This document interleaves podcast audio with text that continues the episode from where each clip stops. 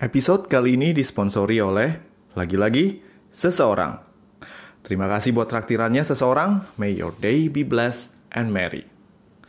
Jika Anda tertarik untuk memberikan donasi, silahkan ke laman traktir mitologi santuy yang tersedia di deskripsi tiap episode.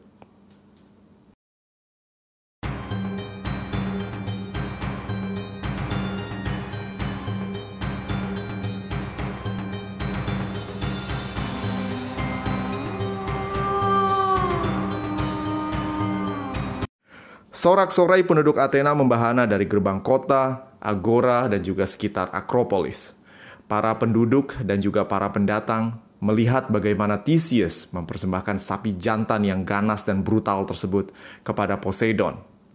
Bagaimana bisa seorang bocah tak bernama ini bisa tiba-tiba muncul, menaklukkan para bandit, dan juga kini sapi jadi-jadian yang kemudian ditaklukkannya dan ditungganginya bagai kuda poni sebelum disembelih untuk Poseidon. Para penduduk nggak pernah ngeliat aksi hero sekeren ini, dan kini popularitas Theseus menjulang tinggi setinggi gunung Olympus. Rencana Medea dan Aegeus pun berantakan. Niat untuk menyingkirkan Theseus yang populer malah berujung membuatnya tambah diidolai oleh rakyat. Medea semakin gregetan melihat bagaimana Theseus disambut dengan meriah di hadapannya. Aegeus pun terpaksa harus mengadakan pesta untuk menyambut pahlawan Athena yang kini tampak seperti artis K-pop tersebut. Dengan resah, Aegeus mengenakan pakaian kebesarannya, sementara Medea yang telah menyiapkan rencana jahat berikutnya menghampiri Aegeus dan berbisik.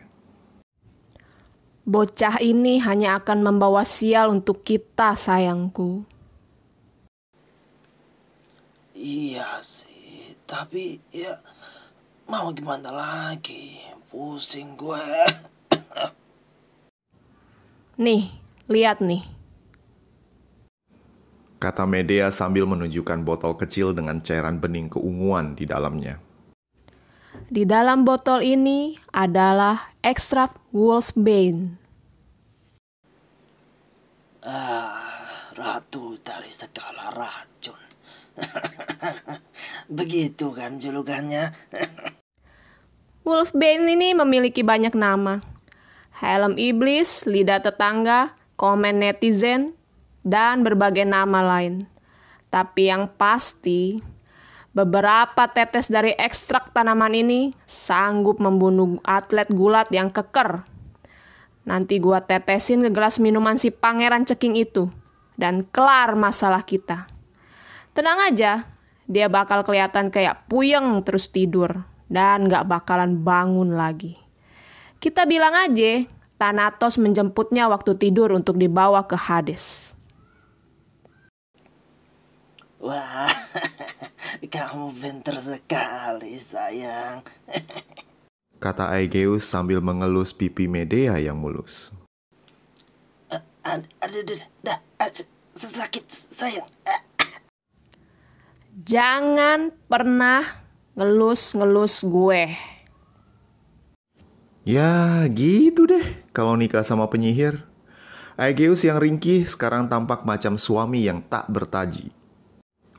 Raja dan Ratu Athena yang walaupun dysfunctional, tapi tetap memerankan perannya sebagai suami istri berjalan menuju balairung istana tempat pesta berlangsung.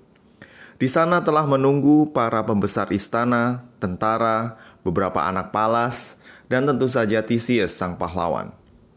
Theseus sang bintang pesta mendapati kursi kehormatan di sisi Aegeus. Berbagai hidangan telah tersedia di hadapan para pembesar istana yang sibuk mendekati Theseus. Ah, politikus di zaman apa pun sama aja, selalu mencari siapa yang sedang naik daun. Banyak dari mereka hendak menghampiri sang pahlawan penakluk sapi jantan tersebut. Theseus tampak secara diplomatis berbicara dengan ramah kepada semua pembesar istana yang berusaha dalam tanda kutip bersahabat dengannya. Theseus tahu intrik istana. Dia tahu bagaimana kakeknya sang raja di Trozen memainkan peran sebagai politikus yang ramah, namun tetap waspada. Sementara anak-anak Palas mengamati Theseus, mereka hendak melihat bagaimana pahlawan dadakan ini bertindak dan apakah dirinya akan menjadi masalah di kemudian hari. Beri hormat kepada Raja dan Ratu Athena. Semua hadirin lalu berdiri dan menyambut Aegeus dan Medea. Aegeus yang tampak ringkih seolah enggan untuk menghadiri pesta ini. Namun mengingat rencana Medea untuk menyingkirkan Theseus membutuhkan kehadirannya, dirinya pun harus berpura-pura menikmati pesta. Medea yang anggun berjalan di samping Aegeus, layaknya ratu dari timur jauh yang eksotis. Rambut merahnya yang disanggul terlihat serasi dengan jubah linen marun yang melembalut tubuhnya. Jika orang tidak tahu reputasi Medea sebagai seorang penyihir, tentu semua akan terpukau oleh kecantikannya. Keduanya kemudian duduk di kursi kebesaran mereka dan mempersilahkan semua hadirin duduk. Aegeus melirik ke arah Theseus dan disambut dengan anggukan penuh hormat. Aegeus kemudian menengok ke arah Medea, dan sang istri mengedipkan sebelah matanya sambil tersenyum. Tak perlu lagi menduga apa arti kedipan tersebut. Medea, sang ratu racun, telah memainkan perannya. Tak ada yang tahu kapan dan di mana dirinya telah memasukkan racun. Yang jelas, rencana telah berjalan. Aegeus pun tersenyum. Selama ada Medea, takkan ada yang bisa mengusiknya. Hanya satu harga yang harus dibayar. Tahtanya untuk Medus, anak yang sebenarnya bukan anaknya. Sayang, sungguh sayang. Tidak ada darah dagingnya sendiri untuk mewarisi tahta Athena. Aegeus sesuai tradisi kemudian berdiri dan mengangkat cawan berisi anggur manis. Hadirin sekalian, untuk menghormati pahlawan kita, Pangeran Trojan, pembantai bandit-bandit, dan penakluk sapi jantan maraton. Sahabat dan pelindung kita, Theseus. Mari, kita bersulang demi kesehatan Lord Theseus. Demikian kita sapa beliau sekarang. Seluruh hadirin yang hadir di pesta menyambut dengan meriah salam pembukaan Aegeus dan minum untuk menghormati Theseus. Sang pahlawan mengangguk dengan penuh kerendahan hati atas sulangan yang diberikan oleh para tamu. Theseus walaupun telah mencapai berbagai keberhasilan yang gemilang, masih si pangeran muda Trozen yang tidak begitu menikmati pesta. Dirinya merasa canggung mendengar seorang raja besar seperti Aegeus memberikan penghormatan baginya – dan seluruh hadirin di istana megah ini memberikan begitu sambutan yang meriah yang membuat dirinya serasa kerdil. Namun jauh di lubuk hatinya, Theseus merasa begitu senang karena sang ayah yang tidak mengenal dirinya telah memberikan sambutan yang begitu hangat dan meriah. Sekarang saatnya tamu kehormatan kita memberikan sambutan kata Medea sambil menatap Theseus dengan penuh makna. Um, uh, iya, sebentar yang mulia. Theseus berdiri dan mengambil gelas berisi anggur dengan gemetar. Um, hamba bukan orang yang pandai bicara. Hamba tahu kalau kemampuan berorasi dan menyampaikan pendapat di muka umum itu benar-benar dihargai di Athena. Tapi hamba adalah seorang prajurit dan petualang hamba lebih sering menggunakan pedang hamba untuk berbicara yang mulia. Theseus kemudian menyingkapkan gagang pedang perak yang digantungkan di sisi pinggangnya. Para hadirin memenuhi balairung dengan komentar penuh pujian kepada pahlawan yang rendah hati ini.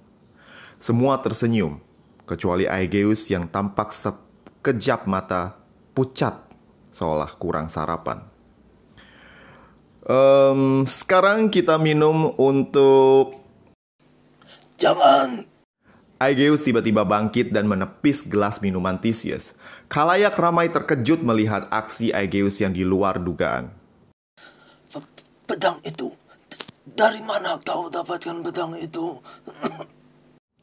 Tanya Aegeus dengan penasaran. Aku, aku mengubur pedang itu dengan batu besar di Trojan. aku berharap jika suatu saat anakku akan datang dengan pedang dan... Sendal butut ini? Jawab Theseus sambil memperlihatkan sendal yang dikenakannya kepada Aegeus. Lain kali ninggalin warisan yang bagus dikit, napa pak? Pedangnya sih bagus, sendalnya bikin kapalan. Aegeus kemudian tersenyum dan memeluk anak yang baru ditemukannya tersebut. Keduanya melepas rindu dan kemudian Aegeus baru teringat akan Medea. Penyihir sialan. Nyaris aku membunuh anakku sendiri. Namun sang penyihir sudah tak terlihat di kursi singgasananya. Belum sempat kalayak ramai bisa mencerna apa yang sedang terjadi, tiba-tiba pekik suara nyaring terdengar dari angkasa.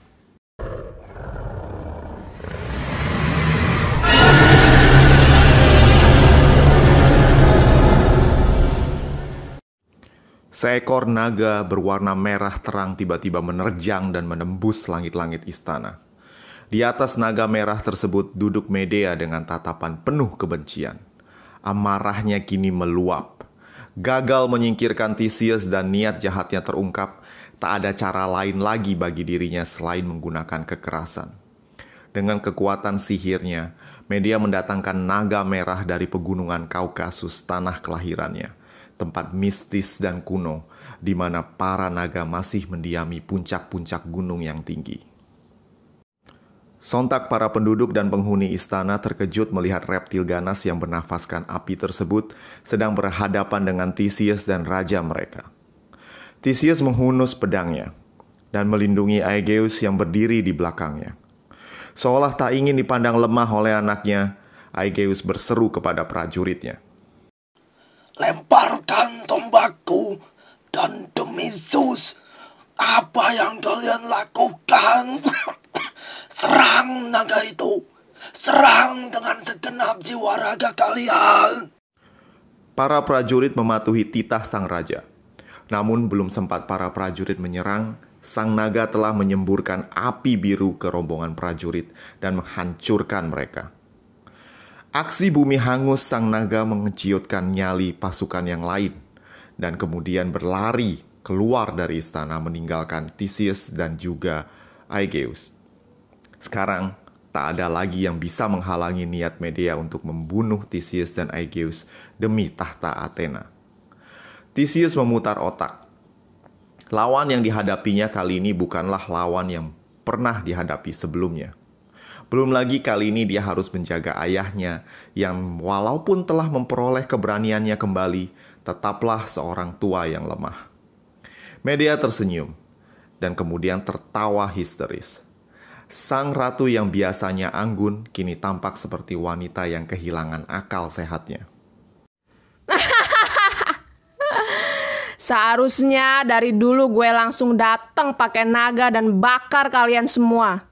Tidak perlu berlagak manis dan menjadi istri lelaki pecundang macam kau. Kini mampuslah kalian. Salam untuk Hades.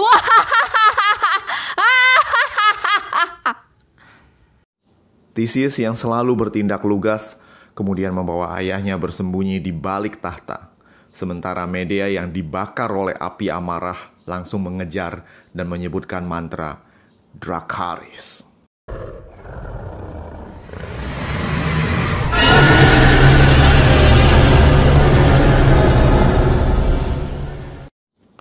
Medea telah mengambil jalan ke depan tanpa bisa berbalik lagi. Api naganya yang membakar singgah sana Aegeus dan dirinya adalah tanda no more turning back. Aegeus dan Theseus yang berlindung di balik singgah sana kemudian berlompat ke arah berlawanan. Aegeus dengan sigap melemparkan tombaknya ke arah Medea, sementara Theseus bersalto dan melompat dengan kedua tangannya menggenggam pedang perak wasiat Aegeus. Theseus berusaha untuk menebas kepala sang naga sementara perhatian Medea terganggu oleh lemparan tombak Aegeus. Namun lemparan tombak sang Raja Athena hanya berakhir di tangan Medea.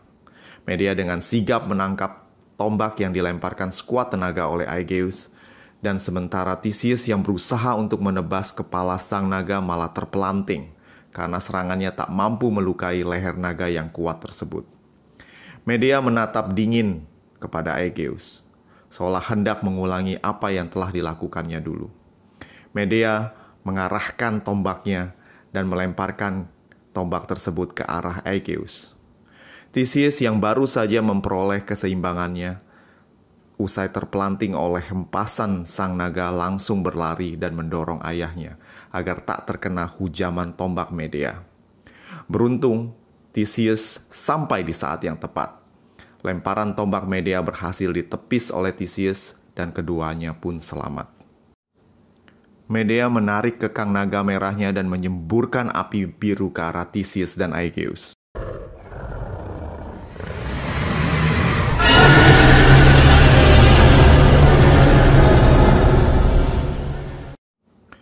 Theseus membalikan badan dan memeluk ayahnya, berharap dirinya dapat melindungi sang ayah dari terjangan api panas sang naga yang konon dapat melumerkan batu karang tersebut. Sekilas segala harapan tampak pudar. Theseus sang pahlawan yang baru saja bertemu dengan ayah kandungnya kini diselimuti oleh jilatan api yang ganas. Namun ternyata Nike, sang dewi keberuntungan, masih berpihak kepada si pewaris Athena. Kobaran api biru yang menerjang Theseus tampak seperti terpukul mundur oleh hantaman ombak kehijauan yang tiba-tiba muncul. Sebuah trisula emas tampak berdiri seolah melindungi Theseus dan Aegeus dari api ganas sang naga. Medea tampak panik melihat trisula emas yang tiba-tiba muncul tersebut. Menghadapi berbagai macam monster, pahlawan bukanlah masalah untuk penyihir sekali bermedea. Namun menghadapi Poseidon, sang penguasa laut yang terkenal temperamen dan tak kenal ampun tersebut, enggak deh, enggak worth the fight. Medea pun kemudian mundur, terbang ke arah timur meninggalkan Yunani. Konon Medea dan Medus anaknya pergi ke tanah Asia, Medus kemudian mendirikan satu kerajaan besar yang mengambil nama dari dirinya, yaitu Kerajaan Media. Theseus dan Aegeus terkejut ketika mendapati kobaran api yang membakar dirinya padam, sementara Medea pergi membawa naganya ke arah timur. Tak seorang pun dari mereka melihat sang penguasa laut, selain Trisula emas yang kemudian melesat kembali ke arah laut Aegea. Theseus gembira karena ayah dewatanya hadir untuk melindungi dirinya dan juga ayahnya yang lain. Hari ini aku bertemu kedua ayahku. Sungguh, Theseus dari Trozen adalah manusia paling beruntung. Gumam Theseus kepada dirinya sendiri. Theseus menghampiri sang ayah berusaha untuk memapahnya. Namun, Theseus tampak terkejut melihat rupa sang ayah yang mendadak 10 tahun lebih muda. Rambut putih Haigeus berkurang dan berganti rambut coklat kemerahan seperti yang dimiliki oleh Theseus. Raut mukanya yang macam orang kurang gizi kemudian tampak lebih segar dan kegagahan masa lalunya kemudian muncul kembali walaupun, well, nggak 100%. Lah, Pak, kok jadi muda gini? Lah, iya ya. Uh, bentar. Kok suara gue jadi muda gini? batu gue juga hilang. Wah, jangan-jangan papa kena pelet kali ya sama Medea. Lagian kok bisa aja sih mau sama Medea? Emang gak pernah dengar apa cerita soal dia, Pak?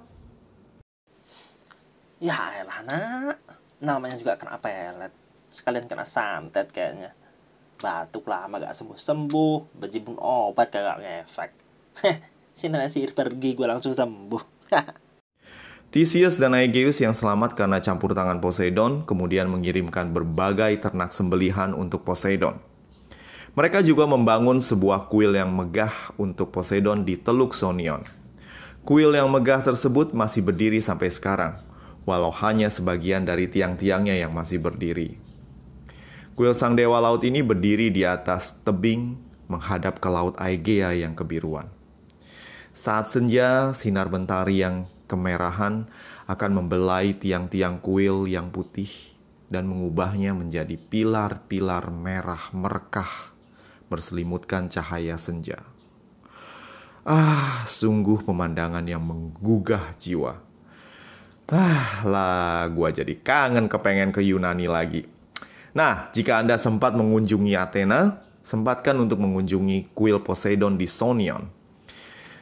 Suatu saat, kuil ini akan mengambil peran penting dalam cerita Theseus dan petualangannya. Nah, gimana dengan cerita lanjutannya? Tentu makin seru. Jangan lupa pantengin terus cerita Theseus dan juga Media. Hmm, Media kayaknya nggak nol lagi deh. Tapi kita akan berganti lagi dengan episode selanjutnya yang menampilkan juga musuh selanjutnya dari Theseus. Special thanks untuk Mary dan juga Bro Yuliant yang sudah membantu untuk mengisi suara media dan juga iGeus. Sampai jumpa di episode selanjutnya. See you again next time. Ciao.